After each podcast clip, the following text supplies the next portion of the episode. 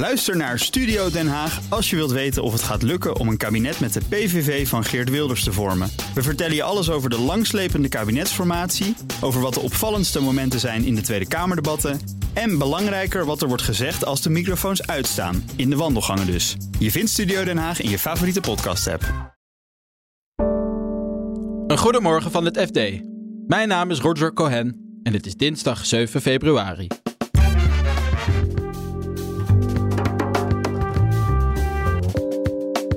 Gasprijzen dalen, maar de kosten van het prijsplafond voor energie dalen niet mee. Mensen hebben bij hun eigen maatschappij gewoon de kosten van het prijsplafond. Dus hebben niet heel veel reden om over te stappen dan. Bedrijven en beleggers grijpen hun kans op de minibeurs. Al is dat niet zonder risico's. Er zit wel iets meer risico aan of je aandelen koopt of geld uitleent aan een bedrijf dat er over een aantal jaar misschien niet meer is. En jonge schoolverlaters zijn gewild als online marketeers. Jongeren die op de bank zitten, die zijn eigenlijk hartstikke goed in social media. Want die zitten de hele dag op hun telefoon. Dus dat zijn skills die ze eigenlijk al hebben. Dit is de dagkoers van het FD. We beginnen met de energietarieven. Want terwijl de inkoopprijzen voor gas dalen, gaan de consumentenprijzen nauwelijks omlaag. En dat kan slecht uitpakken voor de schatkist. Waarschuwen economen in vakblad ESB. Redacteur Albert Wagenaar legt uit waarom. De overheid uh, gaat op dit moment nog uit, of de laatste schatting die is gedaan, dateert van uh, rond oud en nieuw. En daar gaan ze uit van een bedrag van rond de 4,7 miljard. Totaal uh, voor het hele voor, energieplafond? Voor, voor, het energieplafond in 2023 inderdaad. Maar dat is gebaseerd op de prijzen die worden gevraagd op de groothandelsmarkt. Op dit moment, het is best wel vaak in het nieuws geweest. De prijzen op de groothandelsmarkt zijn de afgelopen weken gedaald naar rond de 60 euro. De gasprijs? Uh, ja, de gasprijs inderdaad. En uh, dat is aanzienlijk lager dan de piek die in oktober te zien was, waar het ver boven de 200 euro uitsteeg. Het ding is dat deze prijzen slechts met vertraging doorwerken in de contracten die energieleveranciers aanbieden. Die kopen namelijk energie van tevoren in. Dat verschilt een beetje per maatschappij wat een beetje de strategie is. Er zijn uh, energiemaatschappijen die doen het een maand van tevoren. Zodat ze kort daarna ook die tarieven kunnen doorrekenen. Er zijn energiemaatschappijen die dat over een periode van drie maanden doen bijvoorbeeld. Dan kunnen ze iets meer uitvlakken. De pieken van zo'n drie maanden periode wat makkelijker uitvlakken. Maar ja, dat betekent wel dat zij pas later kunnen inspelen op, op dalingen op de groothandelsmarkt. En zijn er al maatschappijen die al wel die lagere gasprijzen doorgeven aan hun uh, klanten? Ja, ja van, de, van de grote maatschappijen in Nederland zijn er ondertussen wel maatschappijen die aan het verlagen zijn. Budget Energie was een paar weken terug uh, groot in het nieuws. Nieuwe klanten krijgen daar een contract met prijzen die onder het prijsplafond liggen. Ook Vattenfall, nieuwe klanten van Vattenfall krijgen ondertussen prijzen die meer richting het prijsplafond gaan. En uh, voor Eneco geldt hetzelfde. Die hebben ook al ondertussen lagere tarieven voor een deel van hun klanten. Ja, en toch begrijp ik dat consumenten nog niet massaal veranderen van energieleverancier. Nee, klopt inderdaad. Je zou zeggen van budget energie, die gaat dus richting dat uh, energieplafond met hun prijzen. Dan stappen we met z'n allen daarna over. Dat is niet het geval. Dat komt deels door het prijsplafond. Dat komt ook deels door de zachte winter. De zachte winter betekent dat mensen minder verstoken en daardoor onder die parameters van het uh, prijsplafond blijven. En uh, geen reden hebben om over te stappen. En dat prijsplafond, ja, als zo'n zo budget energie 1 cent onder dat prijsplafond zit, dat, dat valt dan op zich wel mee. Want mensen hebben bij hun eigen maatschappij gewoon de kosten van het prijsplafond. Dus hebben niet heel veel reden om over te stappen dan. Ja, en een belangrijk punt dat die economen ook maken, is dat ze zeggen: ja, die energiemaatschappijen worden in de huidige opzet van het prijsplafond gecompenseerd voor hun verkoopprijs van het gas in plaats van de inkoopprijs. Kan de overheid nog iets anders doen om te zorgen dat die totale kosten van het prijsplafond zullen meevallen? Ja, dat is een beetje lastig. Dat ligt in principe niet bij het kabinet, maar bij de concurrentiewaakhond, de ACM. Die gaat over uh, mededinging, dus over de prijzen die gevraagd worden op de markt en uh, de verschillen tussen prijzen van verschillende uh, energiemaatschappijen, bedrijven. En um, ja, de ACM kijkt nu inderdaad naar de, de, de, prijsverschillen tussen energiemaatschappijen. Maar die hebben op dit moment ook nog geen reden om aan te nemen dat er ingegrepen moet worden. Ondernemers stappen voor hun financiering steeds vaker naar kleine handelsplatforms. En ook beleggers lijken deze minibeurzen te omarmen. Toch kennen de platforms ook nadelen, weet redacteur Financiële Markten Eva Schram. Die nu eerst vertelt waarom bedrijven eigenlijk naar de minibeurs gaan om geld op te halen. Wat je ziet is dat die MKB-bedrijven steeds meer moeite hebben of om een banklening te krijgen of het niet willen. Ze willen een paar miljoen ophalen om groei te financieren doorgaans. En dat is dus bij een bank lastig. Het is ook niet echt mogelijk op Euronext, want je moet best wel investeren in het papierwerk om dat soort geld op te halen. Uh, en dan bieden deze kleinere platforms een uitkomst, want daar kunnen ze beleggers vinden die hun een lening willen geven of die aandelen willen kopen in dat MKB-bedrijf.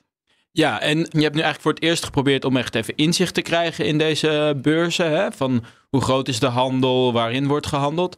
Kun je iets zeggen over de verschillende platforms die er zijn? Ja, uh, er zijn er drie in Nederland, Nederland die in Nederland actief zijn. Er zijn een heleboel licenties voor die bedrijven, maar drie zijn er hier actief. De eerste is Ampex, dat is ook de oudste, die doet het al sinds 2009.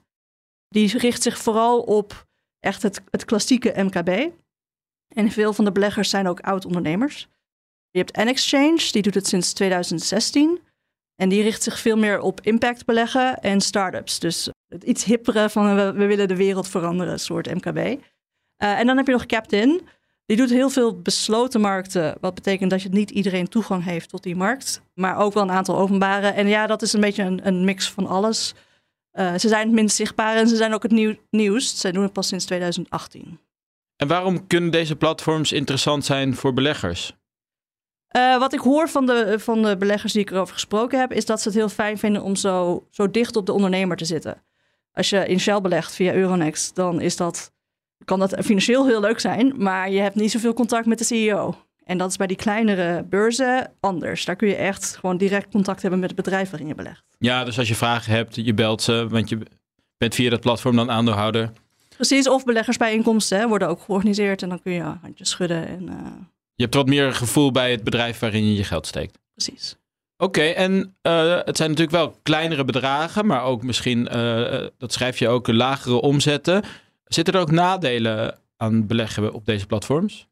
Nou ja, je kunt je afvragen of het niet riskanter is. Hè? Als een bank geen lening wil geven aan een bedrijf, heeft dat soms wel een reden.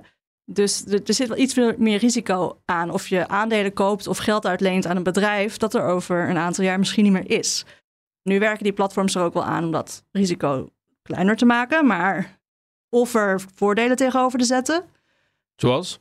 Uh, nou ja, als je een obligatie koopt op MPEX in een bedrijf, uh, dan is die rente daarop vaak hoger dan waar je het anders zou krijgen. Dus je komt tot 10%. Nou, dat ja. is aantrekkelijk. Dat staat tegenover het risico. De ja, precies. En op N-Exchange bijvoorbeeld, daar kun je op, in startups investeren. In één start-up investeren is best wel riskant. Dus N-Exchange biedt eigenlijk een soort mandjes van startups aan, waarin je in verschillende startups tegelijk zit. Ja, om die risico's wat te spreiden. Precies. Oké, die lage verhandelbaarheid wordt ook wel eens genoemd als risico. Hè? Dat er weinig stukken worden verhandeld. Dus als je dan een keer ervan af wil, is dat ook nog een risico. Ja, je moet wel geduld hebben. Als je wil handelen in deze effecten, ja, is geduld een schone zaak. Want het is gewoon niet zoals op Euronext. Kijk, en op Euronext is het ook in de kleinste aandelen niet altijd wat we dan liquiditeit noemen. Op die kleinere beurs is het nog minder. Dus ik sprak een belegger die zei ja, soms staat mijn order na 30 dagen is hij niet, niet eh, uitgevoerd en dan moet ik hem er weer opnieuw opzetten. Dus dat is wel de mate van snelheid waarin je soms moet denken. Echt voor de liefhebber. Echt voor de liefhebber. Door de krapte op de arbeidsmarkt komen bedrijven uit bij een nieuwe groep werknemers. Jonge schoolverlaters en bankzitters. Die zijn in trek. Als online marketingdeskundige. Je hoort onze onderwijsredacteur Ardy Vleugels. Het is een groep die uit de kaartenbak van de gemeente is gevallen omdat ze geen werk, geen uitkering en geen school hebben. En daarmee dus eigenlijk nog niet zo goed worden bereikt. En als je die wel kan bereiken, dan heb je potentieel wel een grote groep werknemers. Want het zijn er namelijk naar schatting zo'n 150.000. Dus dat is best aantrekkelijk om je daarop uh, te richten. Ja, en jullie hebben ook eh, zo'n typische schoolverlater gesproken. Hè? Kun je een beetje schetsen wat voor situatie uh, deze schoolverlaters zitten? Ja, dit was een jongen die wij hebben gesproken. Dat was een jongen die um, verslaafd was aan van alles en nog wat. Uh, zijn school niet had afgemaakt. Ja, van drugs tot liefde, hè, las ik. Ja, van drugs tot liefde, inderdaad.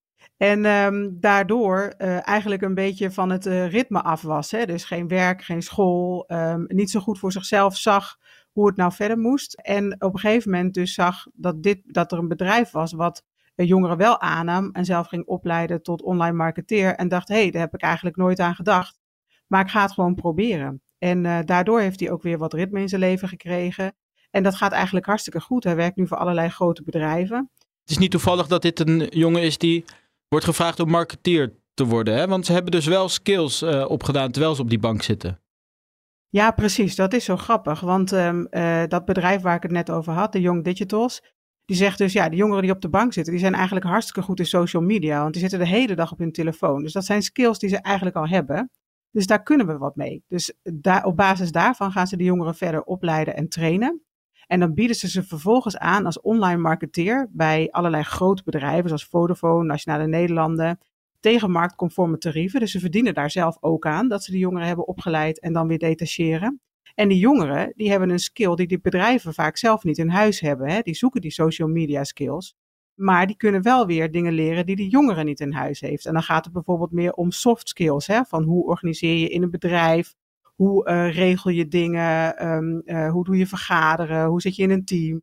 Nou, dat soort dingen, die kan het bedrijf zo'n jongeren weer leren. Dus eigenlijk een uitruil van um, kennis en vaardigheden.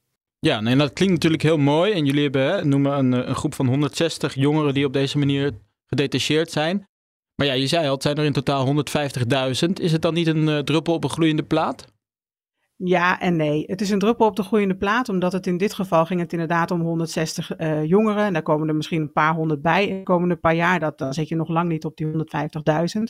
Maar dit bedrijf is een voorbeeld uh, van hoe andere bedrijven op dit moment ook opereren. Er zijn veel meer sociaal ondernemingen, naar schatting honderden, die op dit moment die arbeidsparticipatie, dus het betrekken van groepen die eigenlijk een vrij lange afstand tot die arbeidsmarkt hebben, dat tot hun kerndoel hebben gemaakt. En daarmee, als steeds meer bedrijven dat doen, dan zijn er natuurlijk steeds meer mogelijkheden om dit soort groepen wel te activeren. En dat zal op de lange termijn wel weer gaan helpen. En dat zegt de SER bijvoorbeeld ook. Hè? Die zeggen um, van kijk, er is zo'n groot probleem met die arbeidskrachten dat we eigenlijk iedereen nodig hebben. En dit soort bedrijven, als die deze groepen wel kunnen bereiken, dan is dat wel degelijk van belang voor de toekomst. Ja, en jullie hebben ook een expert gesproken, hoogleraar arbeidsmarkt Tom Wildhagen. En die vindt eigenlijk dat dit soort sociale ondernemingen meer overheidssteun nodig hebben. Hè? Ja, hij zegt er is eigenlijk te weinig aandacht voor deze hele groep, die eigenlijk overal buiten valt en uh, prima werknemer van de toekomst kunnen zijn. En hij zegt, we moeten veel meer investeren om die groep in beeld te krijgen en om ze naar dat uh, werk te helpen. En een van de manieren waarop je dat kan doen, is als Nederlandse overheid te zeggen: oké, dan gaan we nadenken over bijvoorbeeld uh, fiscale voordelen. Want deze bedrijven maken wel degelijk extra kosten. Hè? Die, die begeleiding van die jongeren, daar worden jongerenwerkers op gezet, welzijnswerkers op gezet. En dat kost gewoon heel veel tijd en moeite. En hij zegt: dan is het gerechtvaardigd als je daar ook iets tegenover stelt. Alleen dat is hartstikke ingewikkeld, want de SER heeft er ook al een keer eerder naar gekeken. Van kan dat dan? Hè? Kun je dit soort sociaal ondernemingen dan uh, voordelen geven? Maar die zeggen ja, dat wordt toch wel ingewikkeld, want je komt toch in een grijs gebied. Hè? Wanneer ben je nou een sociale onderneming en wanneer niet? En hoe hou je dat systeem dan eerlijk? Er zitten nog best wel heel veel vraagtekens bij. Maar Wildhagen zegt van nou, bottom line, we hebben deze jongeren nodig voor de toekomstige arbeidsmarkt. Dus doe dan ook wat extra's als overheid.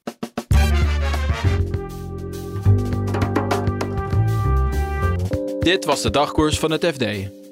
Morgenochtend zijn we er weer met een nieuwe aflevering. Abonneer je vooral op dagkoers, dan krijg je die automatisch binnen. Het laatste financieel-economisch nieuws volg je op fd.nl. Nog een hele fijne dag en graag tot morgen.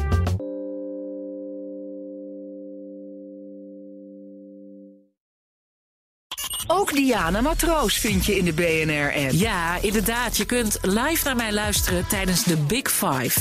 Ook handig in de BNR-app. Breaking nieuwsmeldingen, maar ook het allerlaatste zakelijke nieuws. En je vindt in de app alle BNR-podcasts, waaronder Wetenschap Vandaag. Download nu de gratis BNR-app en blijf scherp.